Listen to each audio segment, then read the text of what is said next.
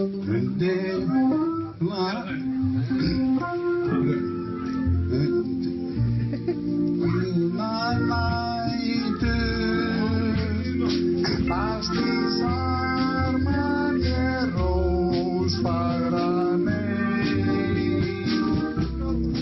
erum hressir Hressir, hressir, hressir Það er það sem við erum Er ekki allir hressir Vestló, Vestló, allir þunnir til Vestló. Jep, af því þessi þáttur er að koma út á mánudegi á eftir Vestló.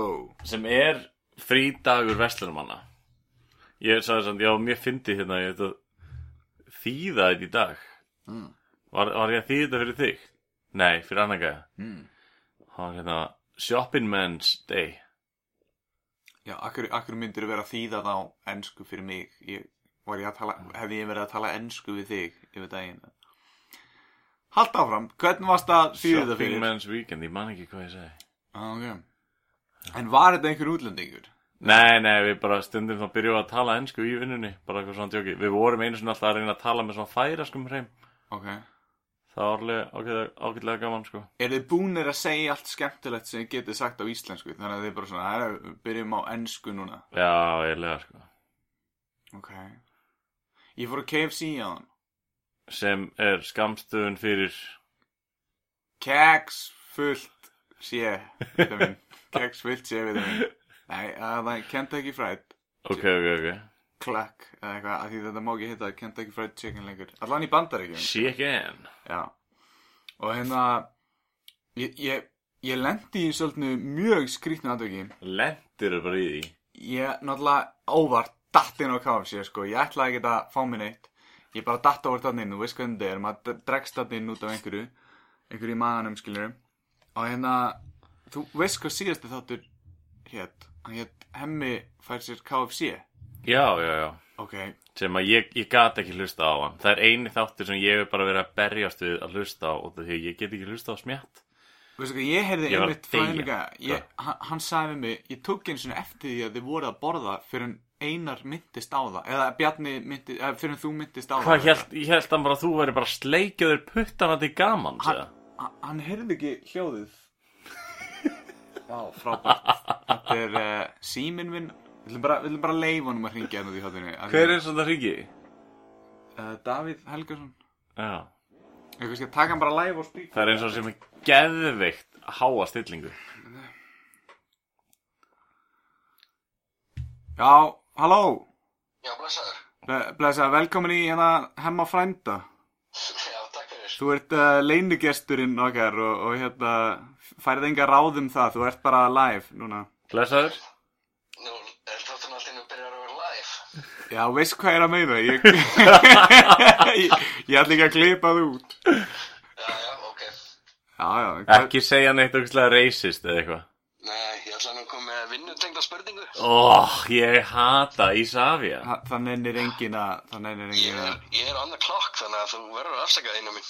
Já, byrju, hversu mikilvæg er þessi spurning? Frá skalanum 1 til 5 Uh, ég myndi segja 4,5. Hversu mikið leyndamál er þessi spurning? Já, Ekkert svo mikið, þetta tengist hlutfallum sem Bjarni vill fá í vetur. já, herru, ég væri til í bara 100% ef það er í bóði Það var alveg frábært, sko Ef hann má skiptum föt fram á gangi ég leiði það persónulega, það skiptum fyrir fram að mig hvernig sem er. Takk fyrir það, Davíð Uh, ekkert mál. Ánægilegt að heyra það En hérna, já, helst bara 100 En það var búið að spyrja maður sér Þannig að, Já, ég veit, ég vildi bara vera viss, af því að ég er að pæla að svissa þér og einum 70. já, já Þetta Sem er, sem sagt, sem vill. þetta er gott útvarp Þetta er gott útvarp Ég, ég, við skulum ekki nefna neinn nöfnu Ég veit ekki Nei, ég forðast það. Ok Er það gæin hann sem er gett lélegur í vinnunni? Æ, það er svo margir. En, ok, snild hérna, Já, svissaði mig við hann Það var alveg frábært Alright. Er þetta ekki góður annars bara? Jú, ég er bara góður. Er, er eitthvað shoutout sem þú vilt taka? Er ekki Sara að hlusta á þetta á svona? Jú, ég bara, bara til allra í Savia. Já, Við erum öll í sama lið og svona. ok Annars beðið bara heils ykkur. Og bara takk og bless Já, takk og bless. ha- hafðu það gott í vinnunum daginn minn Takk fyrir björna minn. Ok, Love you Kiss, kiss. Bæjó Bye. Gott að vita að maður er með svona inside menn til að Íta öðrum starfsfólki til hliðar Svo ég geti fengið 100% stöði yfir veturinn Æ, ég meina ef einhver á að vera með forgangarna upp frá þá er það maður sem er búin að vera að vinna það síðan 2007 og það er ég. Þannig að ég, ég, ég myndi alveg hérna, Búin að vera að vinna því 12 ár. Já, ég ætti eiginlega að vera, þú veist, CEO eða eitthvað yfir í Savia í dag, sko. Ég, sko, ég kom ekki að vera vinninu minni. Já, Ég bara, ég sé ekki vilja til að fara eitthvað í vinnun á mótnana nei, nei, nei. Ég er búin að vera hann held ég hvað, þetta er þriðja eða eitthvað sko. Já, ég, er- ég er sko löngu búin að ógeð, sko. Þess, vegna, fór ég í námið mitt og allt það og kláraði það. Þess vegna er ég með meistaregráð í dag. Já, og það er svo Þannig að, já. En svona, ok, til að bæla niður, skilur þessa eind sem fylgir því að vinna hann frá. Þarf fórstu að- KFC Já, í þá dag. þarf maður stundum að fara að KFC til að lifta sér aðeins upp, skilur Ó.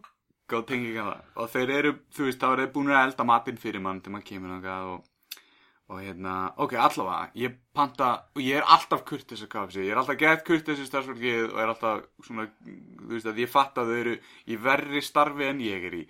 Smá móðgun fyrir starfsfólk KFC en, en svona Það var allan ekki heima hjá sér að steikja fiskibólur í tvo klukkutum í Nei, gerð nei, ok, ok, vá, og ert þú með eitthvað, vilt þú koma ykkur af hjartarðinu? Nei. Herra steikja fiskibólur heimi og mér þetta var skelfilegt eitthvað. Það var alltaf ok, ok, við skulum bara segja að þeir eru með mun minna rými en við höfum að vinna með upp á, upp á flugvilli, skilur þannig að þú veist, kannski minna loft. Ég veit ekki, kannski bara miklu skemmtilega að vinna á KFC ég dreg allt tilbaka síðan sagði og, og byrst afsökunar ef ég móðgæði einhvern. En pointið var að ég pantaði mér og ég geri þetta mjög oft pantaði mér hérna upplæri stakt, ekki máltíð og hérna uh, barbecue annað twister og, og bara vennilegan, ekki singer eða eitthvað svona, þú veist, svona dæmi og þá dippaðir barbecue sauce í gæðan. Herru, ok, það tekur enga stund. Gæðin er bara og, og þetta er búið, herru, hann rétti mér þetta og hann tekur svona auksambandi við mig nær auksambandi og, og svona nikkar í mig og hann alveg verður þeirra góðu vinnur og eða góðan dag. Og ég var alveg takk ég alveg fyrir það og, og bara takk sem að leiði skilur og ég svona tekið þetta og það var eitthvað svona auka við þetta, ég vissi ekki alveg hvað það var. Fyrir ég kom heim, opnaði herru, tvö upplæri í kassanum hann hefur, vitað af KFC þætturum hemma frænda það getur ekkert annað verið. Er þetta að meina það að eins mikið og þú talar um það og vildir að KFC myndi byrja að spons okkur?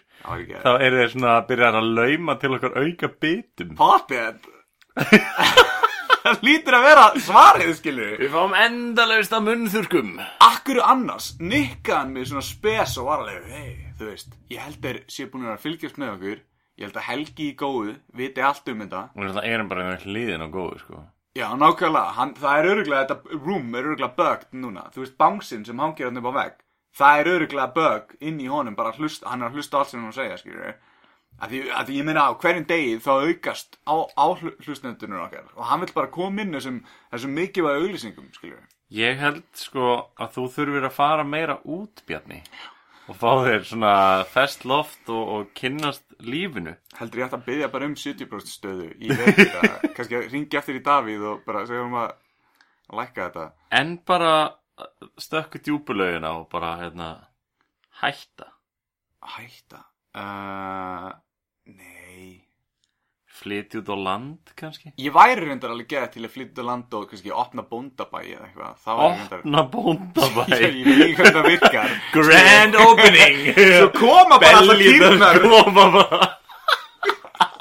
allar kýrnar og svínin og hænurnar og svona Noah's Ark skiljur það er samt til bóndabæir á Íslandi er oftast ekki með mikið tegundum og dýrum. Þetta verður bara einstakt var, já, ok Það verður alls konar, það verða fílar, það verða köngulær, uh, ljón, uh, jétar, uh, Godzilla, kemur stundum. Fóst úr sko fílum yfir í köngulær Já, alls konar, ég er að segja bara að það verður alls konar. Apar, En svona chihuahua hundar nei, ég hérna, ég stegi chihuahua niðurgang í gær. Það er engin chihuahua hundur að fara að búa þannig. Ég get alveg lofa Ég, verð svolítið að spyrja, þú veist Á sokkunum, í skóm eða hvernig? Ég var á sokkunum, það fór í gegn og buksurnar voru það lágar að, það, að ég steigi eiginlega bara ofan í þetta með buksurnar líka. Þú ert alltaf í stuðbuxum Já, en ég var í vinnubuksunum mínum.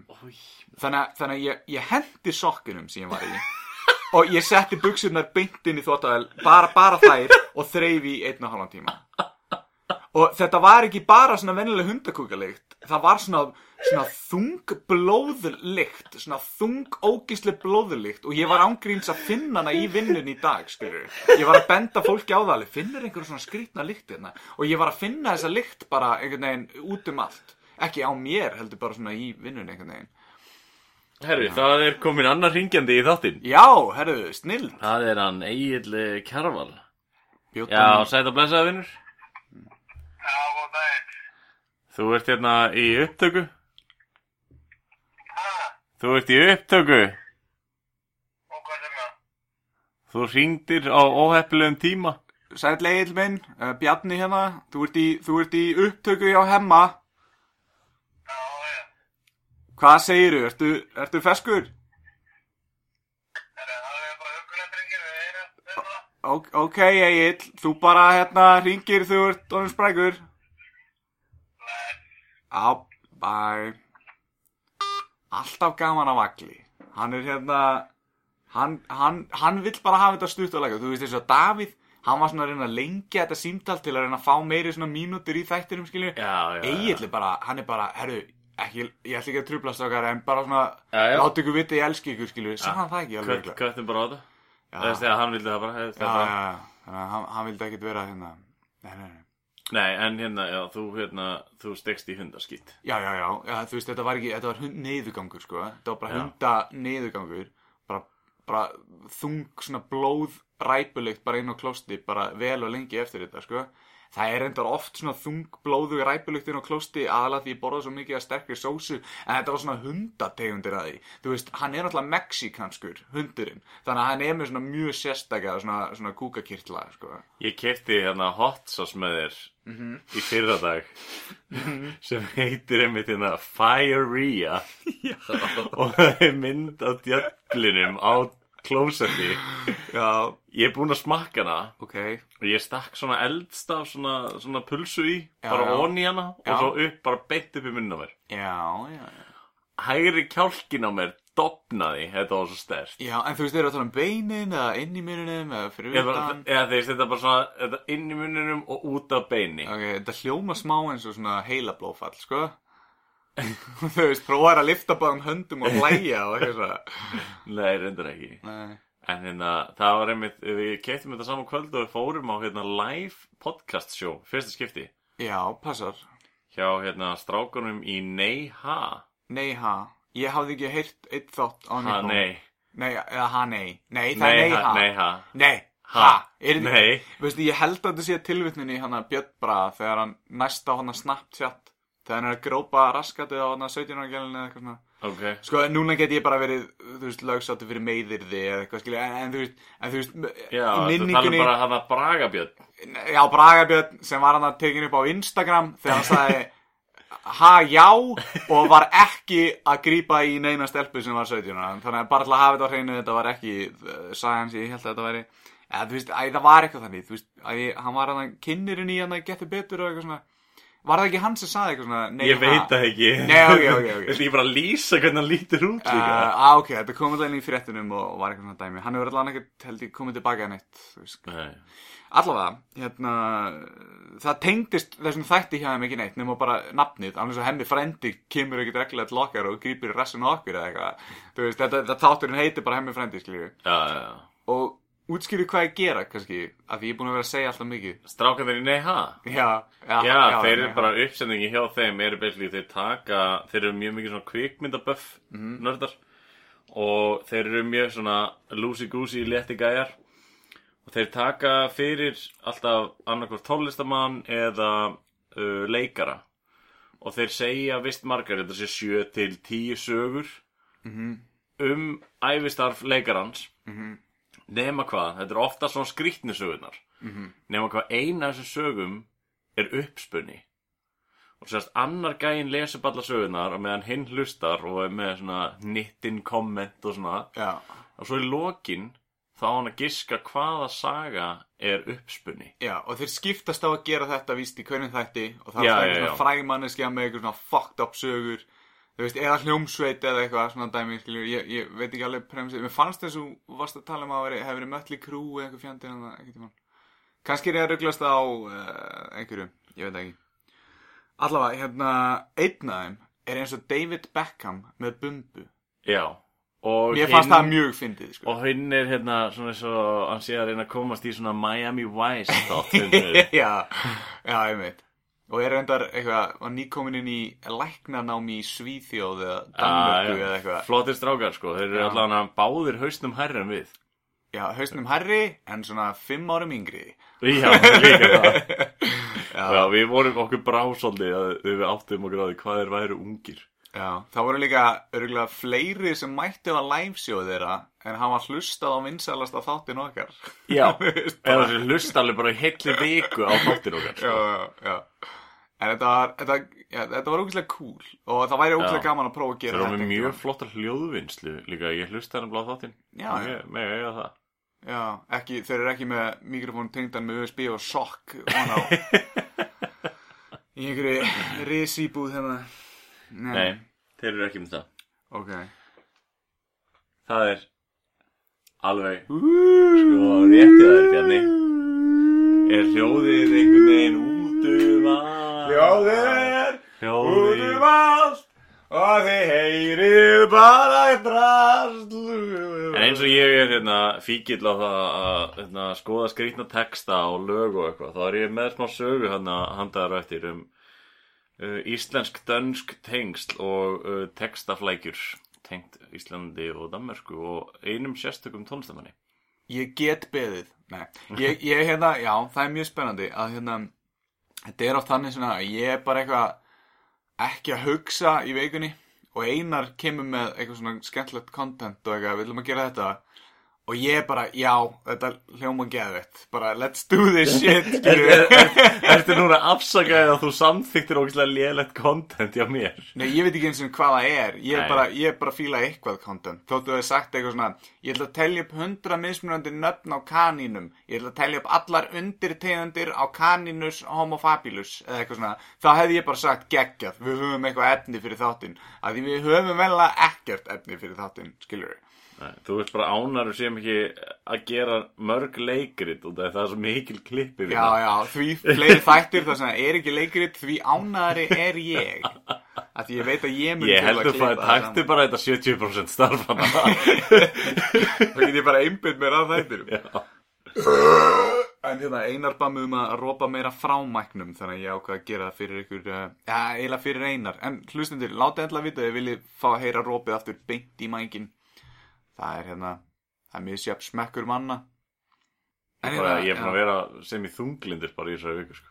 Æ, það er ógæslega leðilegt að heyra það að ég er ekki búin að vera þunglindur sko.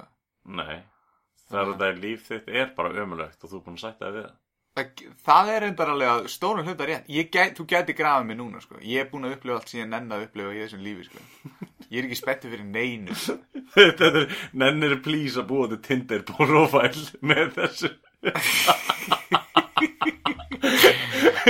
Ég mun ekki svæpa neitt af Því ég er búin að sjá allt síðan þar að sjá Ég nenn ekki Ég neini. nenn ekki neinu Fullt af super likes frá útfarastjórum Nei, nei, sendum bara núna smá kæju frá hemma frænda og na, svo finnum við eitthvað til að spjallum hérna í næstu, næstu content. Já, bara njótið lífsins í þessar 15 sekundur þangað til Og endilega farið og taka bless. Já, farið á taka bless, það er gott Fólkið sem vinnur hjá Kentucky. Ég ætla að eiga loka orðið hérna Bless. Takk og bless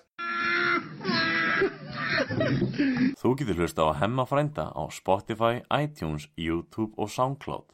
Fylgst með öðru eins grallarefni á Facebook, Instagram og Twitter. Sjálfur maður Já, núna í þessari pásu þá átti sér tvö símtölstaðar. Ég hringdi tilbaka í félaga minn og hann var basically bara eitthvað að spyrja hvort ég vildi borða með sér kvöldmat og hjálpa honum að bera grill. Egillega flottu strákur Já, og ég hef ætla að fá hann alltaf til sagt að það. skoða bíl með mér. En, hins vegar, þá hringdi þú í einhverja frængu þína Já, því að þú ert að, við erum þetta báður að leiðin í ferðalega helgi, ég er að fara eitthvað vestur Já. og dimplast þar og við ætlum báður að vera að fara í eitthvað spilakvöldi og Arnar er leikara við okkar og eins og beila báður á síðustundu ég, ég var enda búin að lofa mér í uh, þessa útilegu fyrir löngu síðan. Ég var bara búin að gleyma því, ég var búin að lofa mér í hann Við erum að spilakvölda í miðri helgi í Vestlarmhelgi, það er það er svolítið riski, sko. Já, skammarnar fyrir að halda eitthvað á laugardeginu fannst þetta mjög fyndið, svo að hann sendi okkur myndir í gær. Að hérna það sprakk ekki á honum. Já, tvisvar Nei, nei, nei, það sprakk ekki á honum Já. og hann er eitthvað djöðlinn og þá kom í ljós sko að það sprakk líka dekki á honum fyrir einhverjum tíma. Ég ætla að giska að það hafi ekki verið nokkri dagar það er örglega nokkra vikur. Nei, nei, nei, þá, hann, sæ, hann var að segja þetta í dag Það er svona nokkri dagar, sko. Það er Já, svona tve, ok. það er dagur, eða tveir dagar eða eitthvað. Já, já, já, ok. En það var svo að hann var með, var þetta ekki undir á öðrum stað og þá sprakk annan dekki á honum Já, já, já. sem er hversusvekkandi En já, þú átti símtalana með frænguðina og þú er sem sagt að fara á Arnastapa Ok, Já, í ég er strax búin að gleyma því Og þú ert bara, eh, er það já, Austurland, eh, Suðurland, hvar, á hvaða eigu er það? Nei, og þú ert ekki að keiri á borganes eða ekki? Sko, eiginlega fyrsta spurningi mín var Eru margir Arnarstapar á Íslandi? Af því það er oft svona margir svona, eitthvað svona Og ég vil ekkert keira á eigilstaði, skiljur Svo er þetta kannski bara norður í Húnavassíslu Í norður Húnavassíslu ég, ég er ekki góður í bláu spurningunum í trivial Við skulum að segja það Ég er ekkert sérstaklega góður í íslensku landafræði Nei, þú veist, það er mjög greinlega, þú veist ekkert bara í hvaða átt hvað er. Ef við myndum standa úti núna, gætir þú bent mér í norður. Já, ég gæti það En, en það er þið bara, sko, Gisk. já, Já, það er algjört gisk. já Ég heyrði nefnilega sögja því að einu svona ættamóti hjá mér, þá rifist einhverjir fimm kallar um daginn í fjóra klukkutíma í hvaða átt norður væri. Og það var áður en þú varst komin bara með áttavitan allt í síman, skiljur, og þeir voru bara að rífast. Þetta var þegar var gaman á ættamótum. Já. Það voru engin svona tækni til að eðilega fyrir manni góða sögu og koma með einhverja staðrendir og svona. En það er sérst vestlumælgi núna og við erum báðir að fara í útilegur sem eru þó ekki djamútilegur Nei, og ekkert tengt einhverjum útiháttíðum. nei, bara svona fjölskyldu hittingur og gaman og sprell og spila og kaffi og eitthvað svona. Já. Ég kynnti mér samt aðeins útiháttíðir Já, sem tengist, svo flæktist og tengdist, ég sekk svo djúft alltaf í allar pælingar þegar ég byrjaði þeim mhm, að ég var komin sem sagt hálfa leiðin til Danmerkur. ok, uh, færi það þá. Nei, nei, nei, ég var komin til Danmerkur. Ok. Allar leiðin. ok, Því að það hefur alveg margt gerst Mm. á hátíðum á Íslandi sem að tengist einmitt tónlistamanni sem að er Bubbi danskur. Nei, Morthausen. Bubbi Morthausen. Já, danski þjóðlagasöngurinn Bubbi Morthausen. Nei, þessi tónlistamæður heitir Albert Hellerup Ah, sem er samt ekki listamannsnafni hans en hann er skýrður Albert Hellerup. Mm, Hann er fættur árið 1965 í Odense í Danmarku ok. Fóreldrar hans eru Fredrik Hellerup og Margaret Hellerup. Hann er sagt 54 ára í dag. Já, Ef hann væri á lífi. það er nefnilega ekki vitað. Það hefur nefnilega margt gerst fyrir það eru margir tónlistamenn sem hafa svona pínu horfið. Ok. Og hérna, en svona ef ég fer í grunninn á þessu manni, Albert.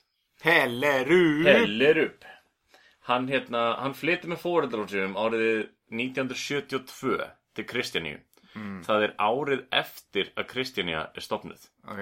sem sagt, Kristjania er stopnuð 1971 það er Albert 10 ára gammal Mm, þarna í Kristjaníu mjög mikil hippamenning og þá, þá er þetta ekki orðið svona eins gróft og er í dag þú veist þetta var meira bara svona love, freedom og börnin bara hlaupaður nakin og svona Byrju, hvað, akkur er þetta gróft í dag?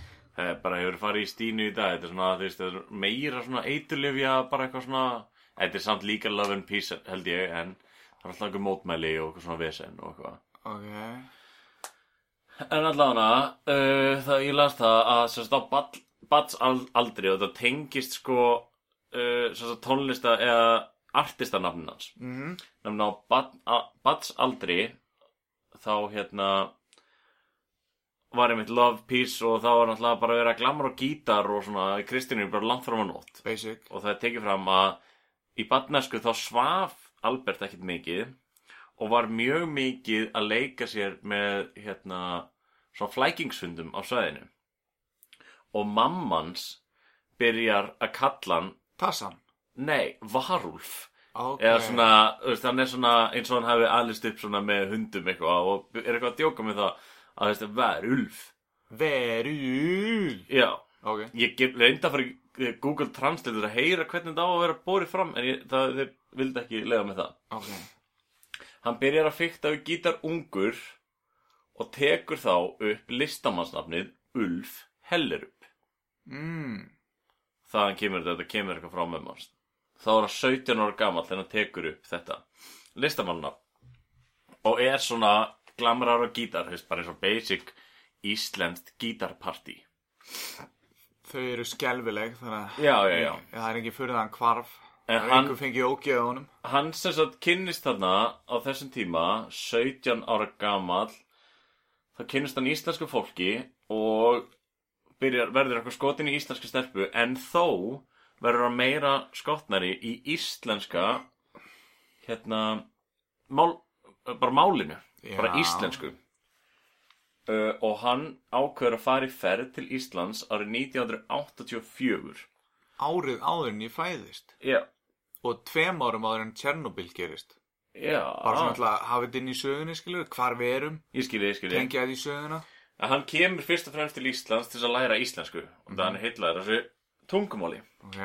Svo ég er aðeins hérna drull á gleru honum og sé ekki að tölvuskjöfun Já, ég skal bara byrja að tellja með hann Einn Tveir þetta er sem sagt 1984 uh, þar kemur þjóðatíðatengingin inn sem er ekki svona þjóðatíð heldur vestlunumanna helgar tengingin. Ok. Því hann fer á útiháttíðin í Atlavík sem gerist um vestlunumannahelgina Ok. árið 1984 mm.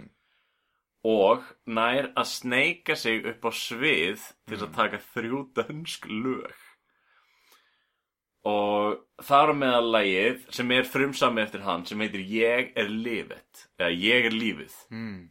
og alveg finnur sterka hippa menningu í það sko uh, hann vekur kátinu og furða sig á því hversu vel Íslendingar skilja dönsku Ok. Það er alltaf mjög basic veist, á, veist, Íslendingar kannski Já, já, já, og líka í gamla daga áður en fyrir trillingu internet svona þannig þá náttúrulega fóru allir bara í viking til Danmörku og það kunnu allir Íslendingar mjög vel dönsku. Það voru alltaf að sletta eitthvað á dönsku og. Já, já, en hann heitlast mjög mikið af þessu íslenska sveitatjámi Já. En hann fellur, veist, hann veit, hann, það er sagt hérna, veist, hann, sko, var kátína á dönsku lögunum hans, en hann fjall í skugga Því að í Atlavík árið 1984 þá mætir engin annar en Ringo Starr. Og ég sá mér svo myndband að þegar Ringo Starr er að lenda á Reykjavík flugvelli og það, það var bara móttaka og hann er hann eitthvað að glamra með Gunnar Þórðar upp á sviði. What? Já, þetta var í Atlavík árið 1984 og hann, og hann svona skikkir pínu á hann svona helt að væri svona aðeins að lenda á Íslandi. Ok. en hann er mjög náttúrulega lendi bara í skugga Ringo Starr það er svona geðveikt svekkjandi. Hann Og hann er byrjuð það lélegasti bítillinn, skilur Þetta er minnsti skuggi sem hefði geta þakið en hann. í einhver hippi frá Danmörku skilji Já. færi að taka hann eitthvað lag Hann og- hefði verið headlineið í, í lokal rockblæðinu, skilur, popblæðinu, ef að Ringo hefði ekki mætt, skilur. já Einhver danskur legend komið En það. svo nefnilega, hann verður það hrifin af íslenskum útíðaháttíðum og svo sveitastemmingu, gítarglamri sem að hann er náttúrulega búin að alast upp þannig sé í Kristjaníu við Já. að árið 1985 ég reyndi að finna, það var ekkert spes nafn á svo útíðaháttíð, en hún hétt bara útíðaháttíð í Þjórsóldal Ok. þar var hann kominn í line-up Mm. búin að sneika sig inn þar en hann mætir ekki Nei. hann kemur ekki upp á svið og þar er farið að tala um það að hann sé eftir hátíðinni Allavík hafa hann bara svolítið lent í svona undirheimum og bara hérna farið að dópa og drekka og eitthvað Ok. Og hann sem sagt, já, hann mætir bara ekki upp á svið, hann er á hátíðinni en treystir ekki upp á svið, eða ég veit ekki hvað hann bara stóð bara, hann kom ekki upp á svið Já. sem, þú veist bendi svolítið til þess að hann hafi kannski bara verið orðin ofdrukkin eða livjaður eða eitthvað og segir manni reyndar pínu svona hvernig þetta var kannski í gamla dag, þú veist, Gunni Þórðar og eitthvað svona, veist, þessi gæjan alltaf voru, voru allir í hassi og eitthvað Ringo Starr líka kannski Já, já, þú veist, þetta lið var örgulega eitthvað aðeins að fá sér, sko, svona í. Já. Ég fann líka í kjölfarið þessari, hérna, rannsókn að fann ég svona myndir og það er alveg mikil hippa menning á þessum hátíðum. Ok Herru. Hullandi njólalikt og friður og, og bönnum bombutnar Já, já.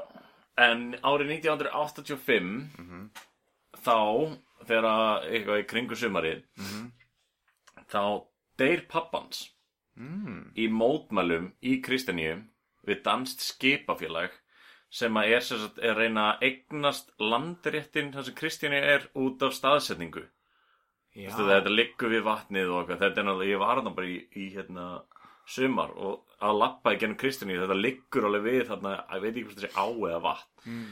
En sem, sagt, sem væri greinilega mjög henduðu staður fyrir skipa smíðir eða eitthvað. og, og að bara pappi hellar upp bara djúpur í mótmælum hann Það er nefnilega, já, hann er einmitt, hann er skotin til bana og það er einmitt svolítið talað um það að hérna, lauruglan hafi svolítið verið í liði með skipafélagin, svona spilling sko. Strisser nærmaður Helviti, Já. helviti strissene Þetta er nefnilega pínu svona, ruglega einhver spillingana en þú veist náttúrulega hippa community og eitthvað svona og þeir vilja náttúrulega frekar fá einhverja byltingu, en hérna svona yðnbyltingu og eitthvað, Ok. fá skiparhámlislið frá pening inn í kaupanöfn og eitthvað. Já, já, já Helvitis kapitalistar En Úlf eða Albert, Já, hann hræklast aftur til Danmörkur ok. vegna slæms lífernis á Íslandi. Og greinilega komin Var hann Komum bara út eða eitthvað? Nei, nei, hann fer Það er svo dýrt hassu Ég hef ekki efna á þessu. Nei, örgulega samt í kjölfarið þess að pappa sér drefin og eitthvað að hann fer aftur til Kristjaníu og þar einmitt bara verður hann dópisti Býtu, var hann ekki orðin dópið? Jú, jú, en þú veist það hann bara svona það er talað um- fyrtari en... Það tala um hann farið til Kristjaníu og bara sökk við þú veist djúft Ok þar. og hverfur bara yfirbara jarðar Mhm. gefur svo út lag árið 1990 Já, sem er einmitt árið sem ég fæðist ok það, heiti, það lag heitir Saga af Ulf Hellerup Íslandsk okay. Eða þetta er nefnilega út af því að þetta lag er sko á dönsku slass íslensku. Aha. Og það er líka þýðing á íslensku sem heitir Sagan af Ulf Hellerup á Íslandi. Mm. og ég fann ekki textan heldur þurfti ég að skrifa niður textan og hlusta á lagið. Já, já, já og ef ég má lesa textan Er smá textavarp? það er smá textaðarp og hérna mér, já, ég ætla eftir ætla ég bara, ég ætla ekki að spila Nei. en ég ætla að leifa þér að heyra byrjun á laginu út af því hún er svo ógeðslega dönsk. Ok, þetta er bara svona grunnurinn að dönsku lagi. Ok, lestu út. Textinn er sko ég kommer nu og syngja fyrir þú. Gamla góða slagara og segja brandara. Mhm. du þekkir mig og ég langa kannast við þig þú geta alveg skilja mig og ég geta skilja þig. Ég syngja eitt lag í einu. Svo þú ekki miss svo þú miss ekki á neinu. Mhm. ég get sungið það aftur fyrir þig ef þú byggja mig. Mm. því ég er danskur poppari og frægur söngvari á helling af hössum vodka og ölkössum ég er munaðseggur og neita mér aldrei um neitt Ok Það er ekki búinn textin, en hann er, þetta er búið að færast yfir það, þú veist, hann, hann er að koma til Íslands, hann vill að við skiljum hvort annað, hann vill Aha. syngja fyrir okkur og svo er hann komin í eitthvað, eitthvað, ég á fullt af hassi og vodka Ja. og velkvæsum. Hann er sagt bara eiginlega bara að flytja þetta inn og selja þetta hér Svo heldur þetta áfram. Ok Her kommer jeg. Mhm. Jeg kommer og helser deg. Hér Og kem ég og fallega stelpur og fyllir í Stoffer. Ok er það sem ég pæli í. mm. Hér kem ég, ég kem og heilsa þér, fallega stelpur og fyllir í er það sem ég kem, nei, er það sem ég pæli í. Mhm. Æsli og ó. og dansa allsberir í hóp. Ég vil annarkvort kók og rítalín eða appelsín.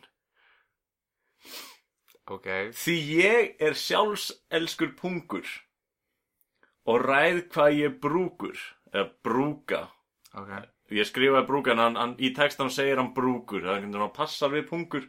ok Er alltaf í stuði nema mánude, syngur hann sko. Það tekur mig alltaf þrjá daga að komast í lag. Þriðdag, miðvikudag, fimmtudag Já, ég er alltaf í stuði nema mánude. Það tekur mig alltaf þrjá daga að komast í lag. Syngur hann sko. Ok, Og skemmtilegt lag þetta er mjög skemmtilegt lag. Connected to Pixel Ef ef ekki frekar að setja þetta bara inn í eða þú veist Já, viltu setja það inn í Já, frekar? ég held að hljómi betur heldur en svona Ok, þá hérna klippum við það bara inn í. Ok, En bara smá bút Já.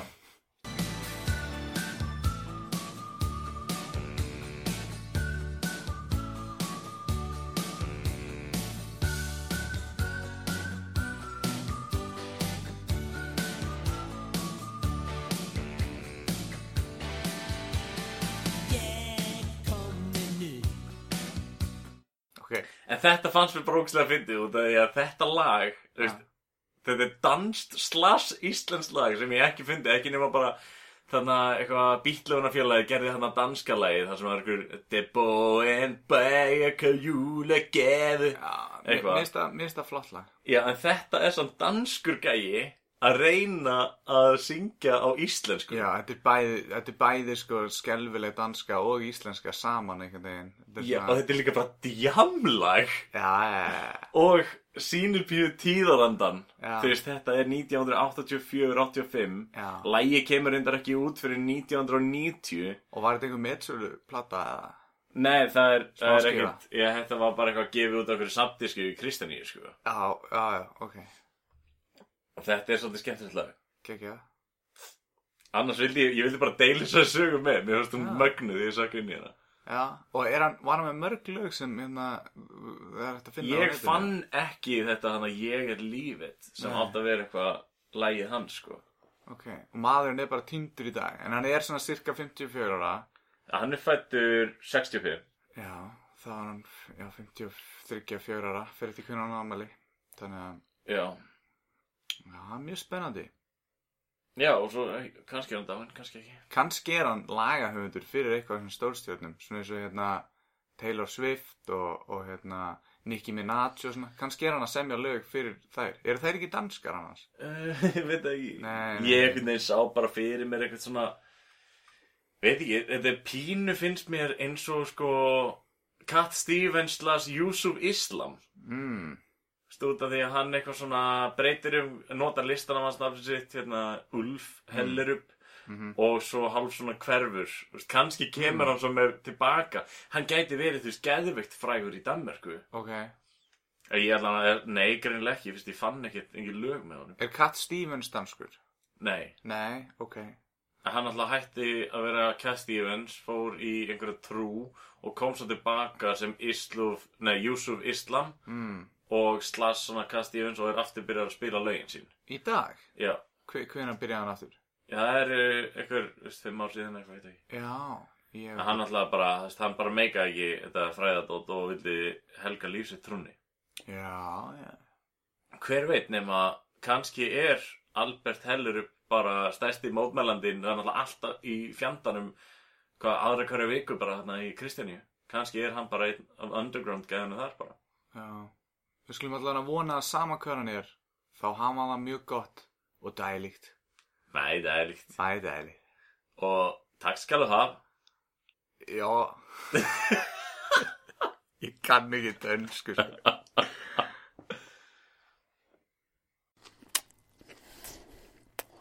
Hemmi frændi, skára en smjátt. Helviti sjálfur maður. Hello Rob, motherfucker. Hello Rupa. Hello Ruppi Hei, ég er Jobba. Herðu, talandi um útiháttir. Já, talandi um þær. Ég hef farið á nokkrar uh, Bæði á Íslandi og reyndar í Danmörku. Nú, Við erum nú farið út í hátíð saman Og þar á meðal Þá þótt ég vissalega hver bróðin var Og þekki hann gegnum eld, elsta bróð minn. Já. Þá kynntumst við tveir á útihátíð. Ég og þú? Já, ég og þú. Já, á, í Dan, nei, hérna, á Akureyri. Það voru Akureyri um vestunumanhelgi Já, já, það er fyrir norðan, ég veit það. Ég kann alveg eitthvað í landafræði, sko. Já, uh, þú varst í trúðabúning Já, og ég sendi þig inn í badnatjald að, með tvær tjaldstangir að þykjast fá flóaukiskast og rífa tjaldið. Finna var að ég vissi ekki eins og ég var í flóaukur þá. ah, þetta var svona fyrirbóði, kannski Já, já, ég hef verið, einmitt, ég held ég hef verið 17 ára svoleiðis. Sko, varðandi gallan sem ég var í, þá var þetta einhver svona galli sem hafði verið í brúðubílnum eða eitthvað svona dæmi. Og það voru til tveir svona gallar, einn hétt stýri og hinn hétt gýri. Og þetta var eitthvað svona að lata gengið, svona eins og að lata bíltegundin, sko. Já, já, og ég var annarkvort með stýra eða gýra gæjan, svo var einhver annar að núti búin að kaupa hinn gallan og verið í honum. Og það meinar. voru bara tveir svona gallar, sko. Þetta var nota sem eitthvað svona brúðubílstæmi á sínu tíma. Ég get ekki sagt samt að þú veist, ég kynntist þér, kynntist þér þú var svo ógeðslega ölvaður. Já, kynntist örgulega partybyrni á svona Já, tíma, sko. ég, ég heyrði bara það, þú veist, við erum alltaf Arnar, leikaravinnur okkar, hann Jú, jú. þekkti líka inn í vinahópin ykkar. Mm. Þegar þá voru þetta, actually, í dag er þetta eitt stór vinahópur, í, í, í den tíð voru þetta tveir skiptir vinahópir, hóp, Já. hópar. Og það þið eru svona nokkrum árum eldri en við krakkanir í yngri kaplanum, sko. Já, já, Simpli til dæmis, veist, það er svona smá sammenning af eldra og yngra lið. Já, En hérna, margar kynnslóðir þar á já, ferð. já, þú sér það að Halldór, Og Simpli er sem Æskuvin- sagt basically bara nafn á vinahóp sem Já. er hlut af. Simpli það bad. Já, s- það Simply heitir the Simply the... Já, Simply the Barn og Simply the Dead í dag af því það hétt Simply the Best og vorum með svona Snapchat síðu og erum ennþá með það og það var venjulega bara eitthvað svona fyndið shit sem við sendum hann inn á en nú er það ekkert nema svona barnamyndir og Já. barnagrín Já, já. og svona, þú veist, klukkutíma vídeo af einhverjum börnum að vera börn og það er geðveikt fyndið börnin eru svo fyndin Já, En, du, du, du, já, til dæmis þess að Dóri vinn þinn, æsku vinn þinn, já, hann var til dæmis einn af bestu vinnum eldri bróðu míns og Arnars leikarvinn okkar. Já. Þarna er aldursmunurinn, sko. já, já, einmitt En þetta var mjög skemmtilega ferð, það var kveikt í tjaldinu mínu. Ok, man ekki eftir því Nei, uh, Arnar mætti veikur, Arnar leikarvinn okkar. Já, já, og já, nei, á reyndar árið eftir sem að Dóri vinnur okkar, hérna, ekki Dóri vinnur þinn eða þú veist, hann er náttúrulega líka vinnur en hann endaði á, í fangakljóð og hann sopnaði kirkjutrappa á magri og það var bara hann- Dóri Villimæður? Já, Já, var var það í þessari ferð? nei, nei, það var árið eftir ég var aðeins að, að blanda þessu saman. Hann er það ætlaði að keira norður og keirið orð þá næst ég á Ísafjörð. Já, já, já, var hann ekki stoppaður eitthvað tvísvara og hann lengur tekið þrís og sem á löggunni á leiðinni. Já, allt sektir. Dóri er flottir maður Já, þetta var, þetta var æfintileg ferð sko en hérna, hann sér svo glemd að beigja hann einhver staðar hjá hérna, einhverju sjoppu og, og var komin á Holmavík eða eitthvað. Í þessari ferð lendi ég einmitt í smá riskingum með löglinni Já, þú fórst næstu í fjallgangu Já, já, hún eiginlega bara skuttlaði mér upp á fjall sko. Það var hérna, sko, ég, ég hafði fengið lánað hjól Þú fegst, ertu vissum að það fengið að lánað Þetta var bara mjög stutt ferð sem ég fóru og Sko, bara aðeins ég, ég held að besta lýsingin á þessu hjóli uh, uh, þetta var að það var í bóði Þetta hjól var í bóði, sko. Þa, Það er alveg rétt, það var engin lás á því eða neitt og það var bara svona uppi, þú veist, eitthvað grindverk. Já. Og, og ég var með einhvern manni á framstýrinu og böglabyrunum og vorum eitthvað svona að hjóla saman og rík gaman og svo hlupuð þessir einstaklingar í burti ég man ekki nákvæmlega hverju þetta voru og ég legði strákar, hvert er það að fara? Svo bara, wú, það var bara allt í henni komin svona stór lögreglu sendiferðabíl við liðina með hefleik og kvöldið. Þannig að ég var bara komin í bíl með þeim góða kvöldið? Já, ég var hann það fullur að bíllinn var að tala um mig. Og svo borðaði lauruglubíllinn mig og ég var alltaf henni komin aftan í bílinn. Og hérna og hérna svo var ég eitthvað að tala um lögguna og, og við vorum bara og þú veist, hún sá greinlega ég var búin að vera að fá mér eitthvað að drekka Já, og, heldur að það er sérstaðir Já, og hérna þetta var svona, þau voru svo almennileg og þú veist, örgulega nóg af einhverju helvitis kjaftaði sem þau þurft að gera um kvöldið. En þau voru svona nógu góð að bara svona ekki, þú veist, gera neina skýrslega neitt. Þau Nei, það er líka það þú sagði líka bara þetta var í bóði Já, þetta var í bóðið, það var eina sem ég sagði við þau, sko. Þú veist, þegar þú ert tekin af, hérna, sem sagt, einhverjum sem er að reyna að yfirheyra, einbyttuðu þá bara að, skilur, rankend, skilur, fæl, skilur, nafninu þínu og, og hérna númeri, skilur. Vertu ekkert að, vertu ekkert að seg, gefa þeim ómikið upplýsingum, skilur. Bara halduðu við söguna þína, það var í bóði, og að nú veist af, þá skutlaður upp í fjall og þú þarf að lappa niður eftir. Og Ég- þau gerðu það einmitt um við, þau skutluðum upp í fjall og þau þurft að lappa niður eftir. ég man, man ennþá eftir því þegar við- hittum svo aftur á tjálsæðinu þá var einhver gæi hérna hann var ekki með ykkur, hann var sangir eitthvað hann var að kokleipa SS-pilsur Mm. ég held að sé sangirnir í dag en hérna Þetta byrjar, byrjar á bara SS-pilsum og áður og veist af þá bara þetta byrjar að kokleipa hefða alls konar slátur. en maður bara, þú varst að lýsa fyrir okkur uh, heimleiðinni úr fjallinu Jú, jú, þú hefði byrjað að hlaupa já, já. Og varst svona að horfa í kringu og það var bara eitthvað Var ég ekki með skikju líka? Jú, það var nefnilega skikja, þú ert að hlaupa, skikja var blaktandi og það var eitthvað svona Trúðagallinn. í hérna bú, dýr, beljur og eða kýr og hestar og eitthvað Já, og þú var syngjandi inn í haustum að þér, hann að killerslægið já, já. I, I got soul but I'm not a soldier I got soul but I'm not a soldier. Og varst að syngja í geggiðu fíling að að hlaupa þig baka.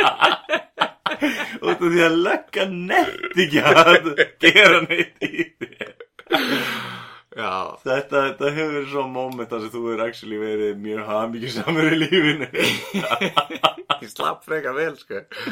Og það rann smá að mér líka, þú þurfti að fara hann tilbaka. En svo hérna þurfti ég ekki að lappa neitt sérstaklega langt því að voru einhverju túristar sem skutluðu mér. Nú, ok. Skutluðu mér niður að hana sundlaugin og þar. Var þetta ekki einhverstað þar? Þannig að útileguðsvæði. Jú, ég man að ég, þessa, þessi, þetta, þessa helgi þá var ég í svona jumpsuit. Ah, Ég var í svona, frá kanavellirum, Mhm. ég var í svona fallívar svona samfesting og það var dressið mitt eða mest alla helgina og svo var ég lópa fyrir. það er cozy. Já, það virkaði fínt sko. Já, ég er alveg, ég fíla alveg svona samfellur. Já, Ég, man, ég man, ég veist, þetta var svo mikið fyllir, ég man ekki eins og hverju sváðu í tjaldinu mínu. Ég held ég hafi verið í, þú veist, já, já, ástáru saman í tjaldi og eitthvað meira lið og, og það var einmitt svo kveikt í því tjaldi og eitthvað, og lópa peysa mín og inn í því og nei, byrju, lópa beisæn, turtles, Að það týnist margt í tjaldum, en samt er ég alltaf að leita Alltaf aftur. útiháttíðum, Ég það er er alltaf að að leita aftur í það. fuck. En svo reyndar höfum við farið líka, við höfum farið í nokkra útilegur, en þar, þar af, hérna, merkilegustu Mhm. er náttúrulega hróaskjálda tvisasinum. já, við fórum út fyrir landsteinana. Já, Gerðum er- er- frægan sem, er hérna. rosalega erfitt með þér samt Já, já. Þú ert virkilega flugrættur fyrir að skipti fórstu deginum á undan út og hérna tindir miðunum okkar á Já, ég man eftir því, ég, hérna, ég, var, ég var ekki eins og komin út fyrir tollin og ég týndi hliðan töskunni, skilju, ég henni á flugvellirum eftir lendingu en áðin ég fór út um tollin og það vissi bara engin starfnaði neitt, skilju. En ég seg, við þökkum hérna eh, Stínins og Gústins sem áttu með ammali í gær, Já. miðjöggudag Gústi átti ammali í gær. Þeir- Gústi. Þeir bjöggi pingulið íbúð með tvær dætur sínar og leifðu hvað þarna fjórum, fimm pissfullum Já. mönnum að krassa Já. og þessi íbúð var svona tíu fermetrar stærri en þetta herbyggi Pappi, hvaða skrítnu menn er Það þetta? er svo fyrðulega lykt í íbúðinu það var mikið áfengislykt á okkur. En ég ætla að reynda að segja Það er svona ári, afalikt af þeim. þessu ári þá fór ég út í Danmerkur Já. og ég var í húsi bara ekki nema kannski svona 50 metrum frá þar sem að Stína og, og Gústi byggu Vá hvað það er fyndið, því ég man eftir að hafa séð snapp frá þér og það myndi mér rosalega mikið á þessu Man, staðsetningu. Manst þetta garðinu sem við löpum í gegnum Já, já, já. já, já Fóruð það- í hann? Nei, það var, hann var lokaður út af framkvæmdum Ah. En ég bara eitthvað svona, ég hef verið hérna já, já, já. Maður bara eitthvað við með þú veist Tjöldin í ruslapókum á bakinu og eitthvað Já, ég man eftir, ég var ennþá í blackout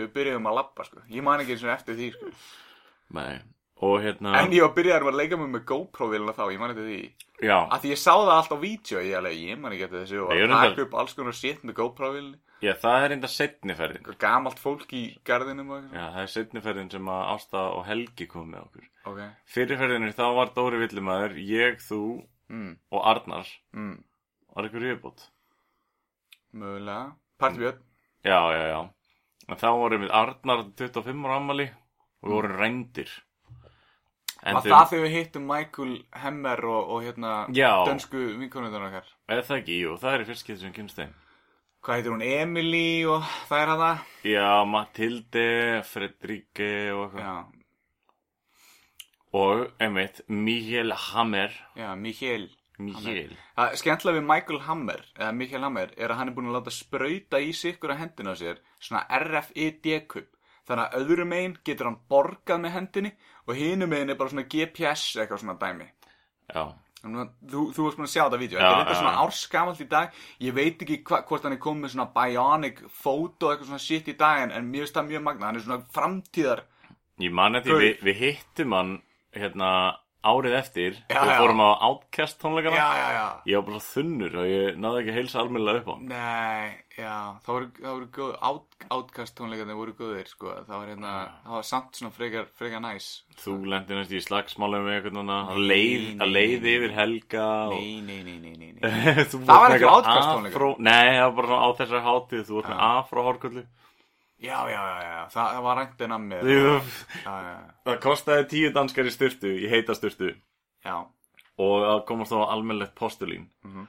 En svo var hægt að fara í unisex Kaldasturtu frýtt Mhm. Og ég man eftir því að þú ákast að skella þig bara í það. Já, já. og komst svo geggja sáttur út og var bara ekki að stráka það var bara gellur í styrtunni ég var bara gæti í styrtu með gellu. Og við vorum allir bara Bjarni veistu hvað gerist fyrir þig þegar þú ferði í kalda styrtu Já, sko, sko, þetta voru bara allt gaurar og þeir sá engan, engan, engin tippi, við. Þeir voru bara. "Vá, allt út í gellu hvað það var, vá, en það voru allt bara gæjar með svona samanskroppin tippi, við, út af köldustöðum.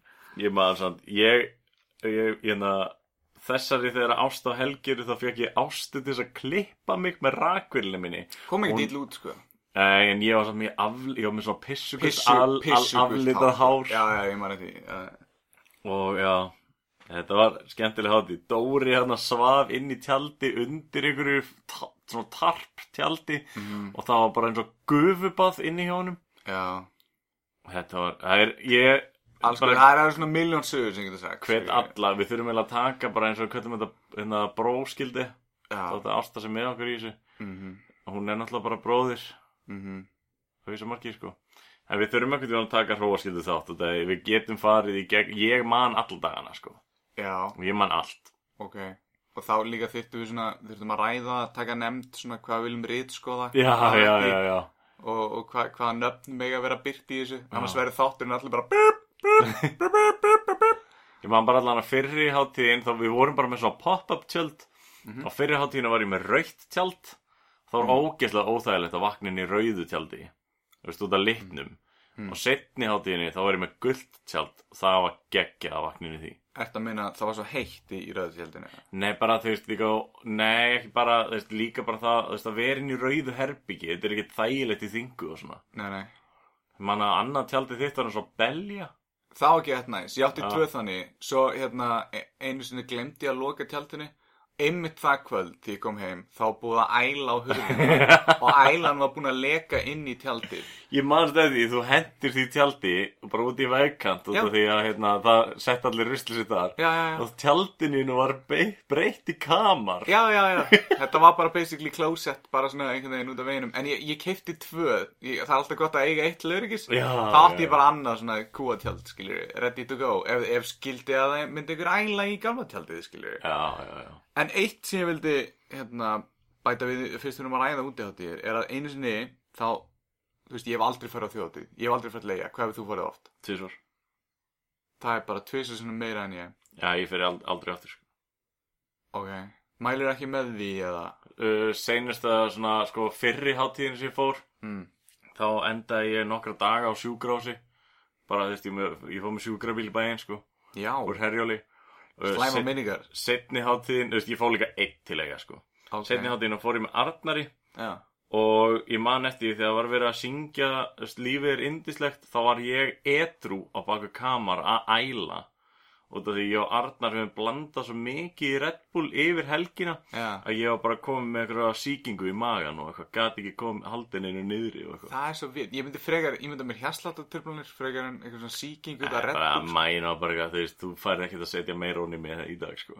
Já, En við, við sungum alltaf pianomann á einni götu þarna. Í- þeir eru svolítið í því.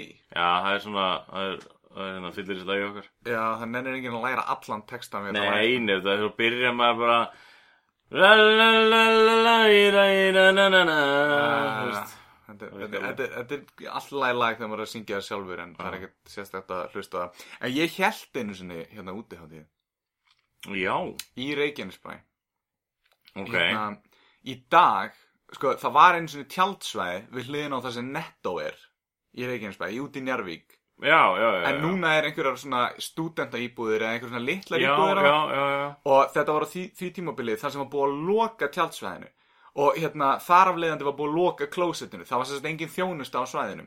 Og það, það, það var samt símanúmer. Og ég ringi og ég segi, herru, mér langar að halda smá, þú veist, smá útihátti hérna, eða þú veist, ég sagði þér ykkur frekar bara að við ætlum að tjálta hérna, eða það í lagi, hún sagði, já, já, ekkert mál, bara vitið að klósetti virkar ekki, skilur og hún sagði bara, þetta er allt í lagi og ég þurfti ekki að borga það neitt, herru, kefti partítjald, það var bæði við verslunum að helgi, Já, já, ok, ok, Það, ok. okay, okay. ok. Þetta var svona inni inni púkin Þetta var svona fyrir fólk sem nefndi ekki eins og út úr keplæg Fyrir utan það vorum við hérna Þetta var svona hópur af fólki sem var að vinna í Bíkó Og við vorum að vinna einmitt laugadaginn yfir vestlumhelgina Þannig að það, það einhvern veginn tók það ekki Tók því ekki að fara einhvern veginn. Ég veit að fólk er núna bara að fara á sunnudeginum Til að ná einu kvöldi Það En við nefndum ekki einu sinni þá sko. Það lið sem fer á sunnudegi til eiga er liðið sem allir hata sem fara til eiga. Já, ok Ímynda þér, þú veist, þú ert búin að vera á bender síðan á fimmtudegi. Já. Á sunnudeginu, hversu sjúskaður ert þú?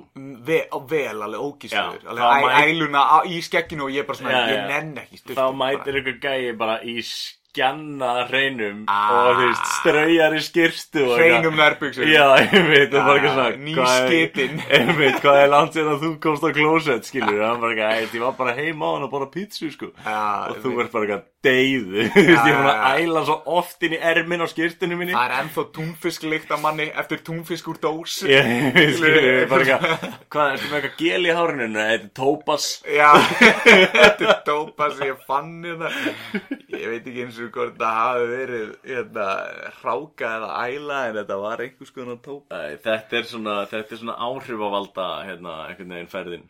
Já, já, allir bara svona og þeir eiginlega bara koma heim áður en kvöldið er búið, bara fara ekkert að Já, sofa ég og bara svona taka nokkra myndir, skilur, hei, ég var í Já. eigum, geðið fín, uh, fín og eitthvað svona. Ah, Ég hef aldrei pælt í þessu. Þú veist, og nær, nær stuttu snappi, eitthvað lífið er indislegt, svo bara, herru, já, þurfum að bomba. Já, já, you weren't there man. Þetta eru bara túristar Já, maður. Já, pantaðan tíma hérna á laugar spa á morgunin eitthvað. Fucking tourists. Einmitt.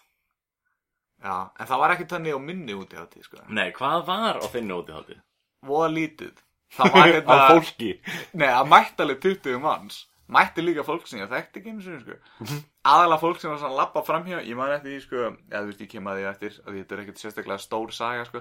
Eins og ég sagði, þá kefti ég partítjald á svona 20 skall Með svona fjórum gæjum Já. Og að því, að því það er alltaf fucking rocky keflaðik þá bara var vindur og geðið leiðir þannig að við erum svona einhvern veginn öll að sitja á tjaldinu en öll í sigur á hotinu Þetta var fyrir tíð Bluetooth hótalans alveg bókamál sko. Já, ég, já. ég man ekki einu svona hvaða græju við vorum með. Við vorum potið með græju sko. En það hefur þá verið svona segulbandstæki eða geislaspilari eða eitthvað. Og hérna þú veist, ég var- að vinna hjá Bíko þetta var svona 2000 1999 eða eitthvað ég man ekki rákvæða þetta var ekkert tíma þá sko. Já. En málið var ég held þess að útiháttið til höfus hérna, Helga Raps hérna, Ginsa Flex það Guðmundsson Helgi Rapp Guðmundsson hérna gæinn sem er með hérna, í, hérna, hérna Bardahöllina í Reykjanesbæ hvað heitir þetta? þetta heitir eitthvað svo, ég má ekki þetta gæði sem þú tókst í viðtal? Já, sem ég tók við það, já, ok. ég man ekki alveg hvað, þú veist, að ég hef aldrei farið að æfa það, skilju, ég man bara, Bardahöll Suðunisja, held ég hún heiti. Ok, þetta verður bara, þú veist, ég, ég bæti við rétta svarinu ef ég er að segja þetta núna. En hérna, já, hérna, Já, og ég kallaði hann alltaf Ginsa Flex. Þú veist, ég held að einhverju félag hans hafa kallað hann Helga Flex af Því hann er ógislega massaður, skilur En ég kallaði hann alltaf Ginsa. Þetta er maður sem hefur alveg farið fram hjá bara mér lífstíð minni, sorry, Já. en já. Já, ok, okkar sálir og leiðir mættust í Bíkó á þessum tíma. já, já, já. Og ég málaði heilt svona skilti í handurum sem stóð á svona Gins Fest, skilur, þetta var risa skilti sem ég var með. Og það var bara svona ofan á bekk svona á staðnum og mætti alveg 20 manns. Og þetta var hérna þetta var svona inni inni púkin þetta segja. Og hérna og ég kefti, ég kefti þrjá kassa af bjór fyrir þetta. Ég kefti tvo kassa af Newcastle Brown Ale sem er ekki gott að þamba sérstaklega hann er volkur sko. og, og einn kassa af einhverju, ég man ekki hvað hitt var ég man bara svo sterklega eftir Newcastle Brown Ale en máli var að bara svona það er eitthvað jam í gangi og það er að partí tjald og eitthvað tónlist og eitthvað. Svo vakna ég bara allt í inn á jörðinni. Tjaldið er fókið bara einhverja metra eitthvað, það er allir farnir allir sem voru svona að sitja á því. Og það er búið að taka eitt Newcastle Brown Ale kassan minn og ég bara að það Vá, þú varst að rændur öllu. Já, já, já, ég lá beinlinus bara að á gólfinu og það var engin annar enn í kring, skilur Þannig að, eða hvort það hafi verið einhver annar enn í kring ég, ég bara veit það ekki En ég var svo fullur því að vaknaði Þannig að, en þetta var já, þetta var hérna Ég hef haldið úti á því, þannig að ef, ég, að, ég ætti að setja þetta á CV-ið mitt, sko. Já. Ég, fyrst þú talaði um svona að merkja það og dót, þá einmitt hérna, setni hróskildu, ég er náttúrulega búin að fara þrís og sem að hróa, setni hróskildu fyrir með þér, þá skýrðu við kampið okkar. Það hétt hérna Kef City og við actually mertum partítjaldið með endurskinni. Sem ég kom með, það var neon endurskinni og life hacks fyrir útíháttið allan eins og hróa. Við keftum áfengi okkar fyrirfram, vorum með svona vouchers En þá þurftum við alltaf að taka tvo kassa minnum og eina sterka og eina sterka flösku og svo eitthvað svona pilsnir með appelsínubræði eitthvað sommerul sem var ekki hægt að finna neitt börs af nefnum og þambaðir alla kipuna Já, já, já En við fórum út í bíkó áður en við fórum út Mhm. og keiftum allt til að búa til bongu Út af því að þú drekkur náttúrulega kaldan bjórum kvöldið, þú fer að sækja hann, Mhm. Jep. en þú klárar aldrei kassan. Nei, nei, nei Þannig að restin af kassanum endar inn í fórtjaldi á einhverju tjöldum og þú ert alltaf að vakna allan með svona kippu í fórtjaldinu sem er vol. Hlandvolt Þú ert þunnur. Aha. Það er auðvelt að þamba volganbjórn. Þú þambar eiginlega ekki kaldanbjórn, það er erfiðara, skilju. En það er miklu betra í þessum hita Þú þarft að drekka því í gang. Já, Þannig að ég man eftir að hverjum einasta mótni þá var bara, þú komst út, eða þú veist, við, einhver af okkur kom út úr tjaldinu, þá voru settið svona þrýr bjórar í bonguna Jep. og þetta var morgumaturinn. Já, já, já. Áður en þú fórst á tampustæði eða fórst í styrtið eða eitthvað, þá þurftir að þamba lámark þrjá bjóra. já En ég meina eftir svona, þú veist, 6-7 dagar fyllir í Þá, að því við, að því við drukkum líka á uppbytun á dögunum, skilur Já, já, já, við tókum alveg viku, Þetta sko. er eiginlega, þetta er eiginlega svona 8-9 dagar eða eitthvað, þá, þá verður að byrja daginn þannig. Það er bara, Já, þú veist, þú getur ekki hætt bara mátt, hoppa, mátt ekki láta þingun að læða. Nei, nei, nei, nei, nei, þá sko. missir þú bara af einhverjum svona tveim dögum eða eitthvað, skilur Þannig að, já. Þetta er, þetta er svona all-in hátíð eða bara don't go. Já, þetta er ekki einu svona hlutaði að hverju mér langar aldrei að drekka aftur, sko. Þetta eru svona góðarsögur, þetta, Já, þetta já, var já. gaman, sko, fyrir utan, sko, það, það er svona, tveggja vikna þinguna sem kemur eftir, þú- eftir þú lendir á Íslandi, sko. Já, þú tókst alltaf heila viku bara í, í púpu heima Já, já, ég lokaði bara öllum svona gluggum áður en ég fór út, þá keifti ég, ég veit ekki hvað margar svona Sun Lolly og svona, og svona frosnar pítsur og eitthvað svona, og ís og gemd í fristinum og fullt af Gatorade í ískapnum og gosi og eitthvað svona, þetta var allt bara tilbúið. Og þú svo- númerið hjá neyðalínunni tilbúið á ískapnum, skilur Við vorum líka svo sniður að við fórum að massít fyllir í á leiðinni út. Eða daginn áður, já, já, já. já, já, er það meðan þegar þú varst í helgalanum Já, og að já, já. og við unnum hann eitthvað 20 bjóra í einhverjum svona hjóli Góð glæsileg byrjun á, á ferðalagi. Glæsileg byrjun á ferðalagi þetta var fínt og gaman, sko. Bardagahöll Suðunesja Já, Þar hafið við það. Já, já, þarna hefur það, Ginsi, ég er þú ekki búin að komst gleyma nú líka einu sinni heim á hróaskildi með glóðuröða. Já, það var eftir þig Og erum að leika okkur okkur í trampolíni Eða einhverjum uppblástum dýnum Uppblástum dýnum, það voru tvær Og dýnum. þú ákvæmst að hrinda mér Nei, nei, nei, nei, nei. Jú, jú, jú, jú, jú. Nei, nei, nei, það Jú, voru, jú, það voru tvær uppblástum dýnur Já, og hérna, og ég mana þig í að stökkva. Já. og svo ert að fara að stökkva Já. og svo sparkaði ég dýnni í burti Nei, þú ítti mér áfram eða ekki? Og það, ég man það ekki, ég man það ekki alveg. En það var allavega einhvern veginn þannig þetta var eitthvað smá mér að kenna en ég var búin að mana þig í þetta og þú endaðir á jörðinni. Og við komumst á því að það var búið að ræna okkur og við bara fórum í næturrútuna með restina draslin okkar Já. og endum á einhverju rittarahóteli Já, ég, ég er að Rattlaus með einhverja skrámi á enninu Svona eins og hafi bara verið að skalla bíl eða eitthvað á ferð Það er En þá gaman líka, ko- þá komst ég að því, ég er yngsti maðurinn í þessari ferð og þegar við mændum á hótelið, þá er ég svo eini sem er actually það fullorinn að vera með vísakort. Já, sumi voru bara að týna vísakortinu sínu á hinum þessum tónleikum Þannig að ég þurfti náttúrulega að borga, sko Nei, ég þurfti að borga, en þetta er ekki verið þig. Uh, Já. Brad Armpit Já, ég fekk hann að gistingu Já, með lélustu pick-up-línu í heimi. þetta var mjög góð pick-up línu á staðanum að því hún virkaði. Þú veist, þú getur ekki fæta þessa pick-up línu, sko. Hæti. Já, hétta það? Já, ég mann hvað hún heitir, ekki þú. Nei, ég man ekki. Já, já, hún var líka Hún var gift. En hún sagði mér það eftir. Tókstu einhvern tíman á þessum hérna... Hún sagði mér það eftir allt kvöldið, sko það Tókstu það hæri hæ, hæri hó, this is the way the song goes. Nei, Það verið mjög fyndið, þetta hún var algjörst að hó. nei, af því, af því ég er ekki með pappahúmariðin Þá hefði ég bara aldrei gert það, sko En hún var ekkert hó þetta var Hæri, bara svona- hæri, hæri hó. Það var heldur bara svona, Hæri, svona hæri, gift kona í hæri, opnu hó. sambandi Er ég að ge gefa mér Já, já. En Ég vil, ég vil ítreka að ég vissi það ekki fyrir en eftir á Ég var svona Ég ætla að segja Já, það að klippið út. eitthvað, eitthvað, já, maður er eitthvað að vera í bandi við þig eða eitthvað svona eftir þetta Þú veist, ég meina hún búin að gefa mig hérna gistingu og lefa mér að fyrir styrtu og eitthvað svona. Það var Tókstu skiti, tókstu... að ég er hérna gift. Tókstu róaskiptu skitina. Ég man það ekki. En Samt kannski var hún ekkert gift, hún bara eitthvað svona, æ, hérna, herðu, sjáumst aldrei aftur. Takk Einar. Takk fyrir það. Já, kannski. Way to get my hopes up Ég er aldrei að fara að hitta hætti aftur En þegar hún sér að ég er hún stór hlaðvarpstjarn á Íslandi Þá vill hún örugglega kynnast mér aftur Ó, onkel Hemmi. Ó, I want your lovin'. Já, hún manur örugglega það lítið eftir mér að hún svona knúsar þig þegar við mætum henni á flugvillinum. Hún svona, ah, Bjossi, eða eitthvað, man ekki eins og hvað ég heiti. En hérna, útíðháttir, þetta er bara það sem eina sem þurfa að vita um útíðháttir. Þetta er Íslendingar hafa ógæðlega gaman út í hátíðum og það er getalega verið skemmtilegar út af því líka Íslendingurinn, hann drekkur sig, eða þeir sem drekka, það er náttúrulega reynda búið að breyta svolítið með árunum, en þeir drekka sig í gegnum hvaða við þessum er. Já, það er líka bara eina leiðin til að skemmta sér á landi sem, þú veist, hefur svona lítið uh, gott veður, skiljur. Ég held að Finnin gerir þetta líka, af því þeir eru bara með snjó allan daginn. Þeir eru líka bara metalhausar sem er ekki með sál. þeir eru svona við á öfugum styrum, skiljur. Þeir eru svona við á, á, á ve- vestu dögum.